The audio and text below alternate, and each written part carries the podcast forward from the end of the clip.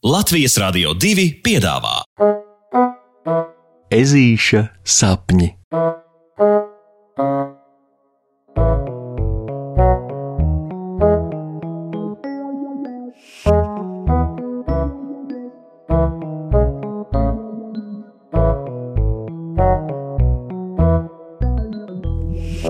Ezītis taisa gultu.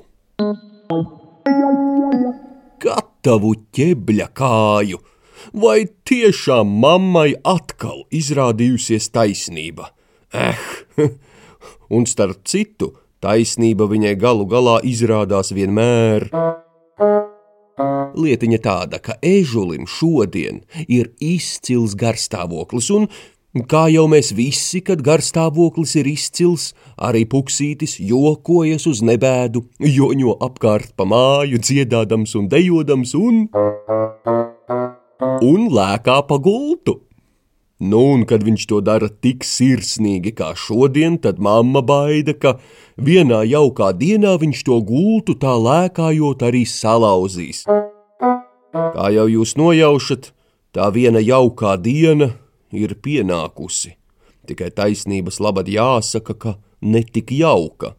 Viņš ežulis lēkāja lēkāja, mamma sadzirdēja, aizrādīja, bet viņš tikai lēkāja un lēkāja līdz brakš.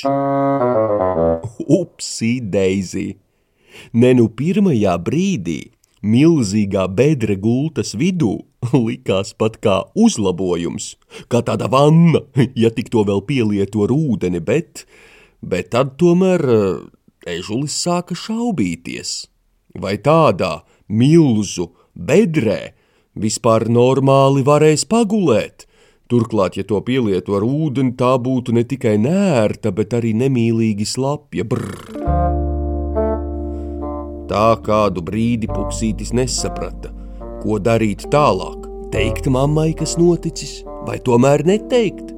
Lai gan ko tur daudz, vakarā sasadzot un sabučājot, pirms miegiem viņa tāpat to pamanītu, un tad tikai skandāls būtu vēl lielāks. Tāpēc Klusītēm ienācis virtuvē, kur pie plīts gardo garājiņu ieskauta mamma gatavo pusdienas, viņš iesāka. O, čau, mammu! Čau, čau, ziķeri, pacieties mazliet ar ēšanu un neko neņem, drīz būs pusdienas. Nenojausdama par patieso iemeslu, mamma atbild puksītim. O, nē, nē, ne tas, ne tas. Ir viena cita lietiņa. Vai zināji, ka man istabā bija tāda forša un mīksta gultiņa? Viņš turpina. Zināju gan, bet kāpēc tu saki, ka bija? Kur tad tā palika? Tā kā mazliet uzjautrināta, tā kā aizdomīga jautā mamma. Un tūliņ, tūliņ jau puksītis grasījās atzīties, bet ho, ho, ho, kāda veiksme, kāda negaidīta veiksme! Jo noklaudzot ārdurvīm, mājās no darba pārradies ir tētis. O, nekas, nekas, māmu, gulta joprojām ir savā vietā un viss ir kārtībā. Čau! Viņš uzsauc un izšaujas no virtuves taisnā ceļā jožot pie papa. Ei, tēti, Ziepa ir liela, mamma saplēsa gultu, un tev ir man jāpalīdz to sataisīt, lai viņa neko nezina.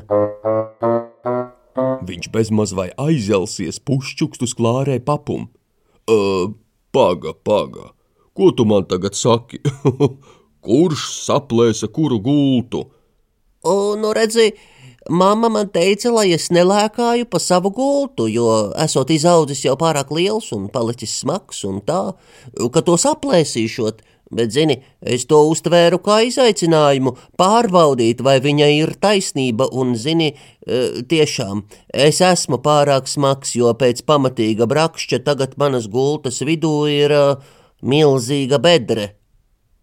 Pēc tēta reakcijas Izskatās, ka viņš pat nav pārsteigts. Gluži otrādi, saprotoši pamājis ar galvu, viņš paķer pa ceļam pāris darba rīkus, un nu jau abi stāv puksīša istabā un novērtē skādes apmērus. Ai, Tas velns tomēr nesot tik melns, kā to mālē, bet vienalga. Palīdzēt paps esot uz mieru tikai tad, ja puksītis piekrīt diviem noteikumiem. Pirmkārt, puksītim tomēr būs godīgi jāpasaka mammai, kas noticis, jo slēpšana nekad ne pie kā laba neved. Otrakārt, gulta, lai gan ar tēta palīdzību, būs jāsalabo ežulim pašam. Šādā veidā ķibele būs nākusi par labu, jo puksītis būs iemācījies ko jaunu. Nu, sacīts darīts. Ar mazu tēta palīdzību puksītis strādā kā īsts daļgaldnieks. Vispirms tiek noņemts matracis un izpētīts, ka tam nekas nekaiš. Tad ar rūpīgu aci novērtētas detaļas, kas tomēr ir saplīsušas un jāsamaina. Tālāk, pēc pāris minūšu rūpīgas mērīšanas, zāģēšanas un skrūvēšanas, valā! Gultiņa kā jauna! Vai pat vēl labāka, jo tagad arī paša salabota. Lieki teikt, ka lielā ežuļa dienas ķibele ir pārvērtusies par lielo prieku, jo viņš šodien ne tikai ir pats salabojis, ko saplēsa, bet to darot, iemācījies arī ko jaunu. Tāpēc es tev saku, katram mākonim ir sava zelta maliņa, smaidīgi nosaka mamma, visai ģimenei sēžoties pie pusdienu galda. Un, mmm, pēc labi padarīta darba, pusdienas garšo vēl labāk.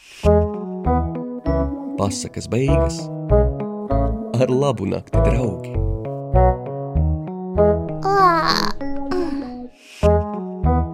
Saldus tev sapnīšus! Tiksimies pirmdien!